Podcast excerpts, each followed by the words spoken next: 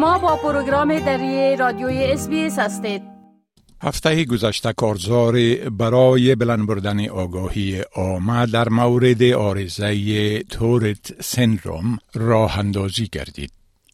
اما عارضه Tourette syndrome چی است؟ عارضه Tourette syndrome یک اختلال عصبی است که علائم آن حرکات سریع و غیر ارادی عضلات می باشد که اغلب این حرکات به نام تیک معروفند.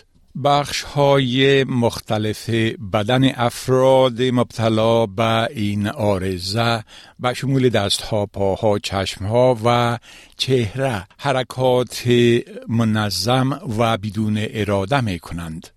و همچنان آوازهای بعضا همراه با الفاظ رکیک و دشنام آور را تبارز می دهند.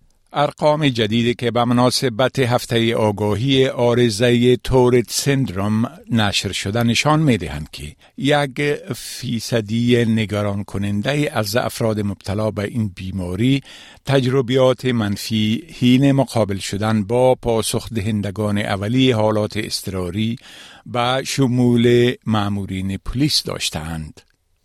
جیم سیرز ورزشکار جمناستیک می گوید زمانی که در هوا خیز می‌زند آرزه تورت سندرم او ناپدید می شود. این مرد سی و دو ساله زمانی که چهار ساله بود با آرزه تورت مبتلا تشخیص شد.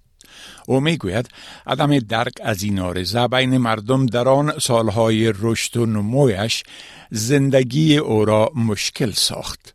It was very hard for me to explain Tourette's to people because not only did the world not understand it, but I, I barely understood it as well. Um, and, you know, I think the hardest time for me was growing up through school, obviously, when a lot of people are still maturing and there's a lot of social status and, you know, ego and reputation. آرزه تورت سندروم اکثرا بین سینین دو تا 21 سالگی شروع می شود و در همه مدت زندگی ادامه می یابد. پروفسور والساما ایپن درباره روانشناسی اطفال و نوجوانان در پوهنتون نیو ساوت ویلز تحقیق می کند. او می گوید که نشانه های بارز این بیماری حرکی و شفاهی که نشانه های حرکی آن عموما چشمک زدن، تکان خوردن و لرزه کردن است ولی این آرزه می تواند باعث رفتار مغلقتر مانند تف کردن، لیسیدن و صداهای مغلق همراه با الفاظ زشت و رکیک گردد. The hallmark features are the motor and the vocal tics. Yeah, so the motor tics could be you know, the, the typical simple ones like a blinking or a twitching or a jerking. But you can also have a lot of complex behaviors like spitting and hitting and, you know, licking and all kinds of complex um, motor tics. And similarly, simple vocal tics could be a cough or a grunt or a throat clear, but complex vocal tics could be blurting out obscenities or something. برای جیمز این حرکات شب در اوایل 20 سالگیش منجر به درگیری او با پلیس شد. با اینکه این حادثه ده سال پیش اتفاق افتاد اما او می‌گوید که تا هنوز از آن متاثر می باشد. You know, if there was an understanding and an awareness, that whole thing could have been completely de-escalated. If they had that understanding and they weren't being a bully and double down, you know, okay, Tourette's, nut, screw it, we're the authority. In that instance, they would have had to admit a mistake. در یک نظرسنجی به شمول 105 نفره که مبتلا به آرزه تورت سندروم بودند صرف 28 فیصد آنها برخوردشان با اولین پاسخ دهندگان ادارات اضطراری و امنیتی را مثبت توصیف کردند. 24 فیصد از مردم مبتلا به این بیماری می‌گویند که تجربه منفی با یک امدادگر طبی داشتند و 29 فیصد برخوردشان با پلیس را منفی دانستند.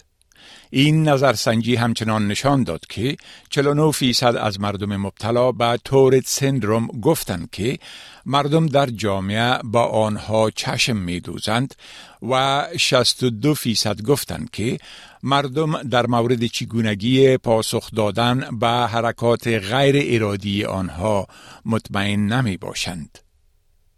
مندی میسی رئیس انجمن تورت سندروم استرالیا است. او می‌گوید که با پاسخ دهندگان اولیه ادارات استراری باید در مورد آرزه تورت سندروم آموزش داده شود و آگاهی آنها در مورد رفتار مبتلایان به این بیماری بلند برده شود. we've just got a bit of a disconnect that it, we've noticed that it is a need we're, we're not actually saying that they're doing a bad job we're just saying that there's a as an there is a need for training there is a need for assistance for first responders to be able to know how to do it properly پلیس ویکتوریا در بیانیه گفته که متعهد است که با همه افراد دارای معلولیت با انصاف و ملاحظه رفتار کند. این بیانیه می گوید که آموزش اساسی برای همه مامورین پلیس شامل نحوه تعامل نیروی پلیس ویکتوریا با مردم دارای معلولیت است. دنی هل از اتحادیه امبولانس ویکتوریا می گوید کارهای بیشتری در این زمینه انجام شده می تواند. There's always going to be areas where we probably need to see further efforts and further education, specialist training. Um, and uh, given the feedback that's come from um, the Tourette's Association, that you know this may be an area where that needs to be looked at. اما برای مردم مانند جیمز هفته آگاهی از آرزه تورت سندروم فرصت را برای درک بیشتر این آرزه در بین جامعه فراهم می کند. گزارش را که شنیدید با کمک تایس اوکیوزی از SBS News تهیه شده بود. می خواهید این گونه گزارش ها را بیشتر بشنوید؟ به این گزارشات از طریق Apple Podcast، Google Podcast، Spotify و یا هر جایی که پادکاستتان را می گیرید گوش دهید.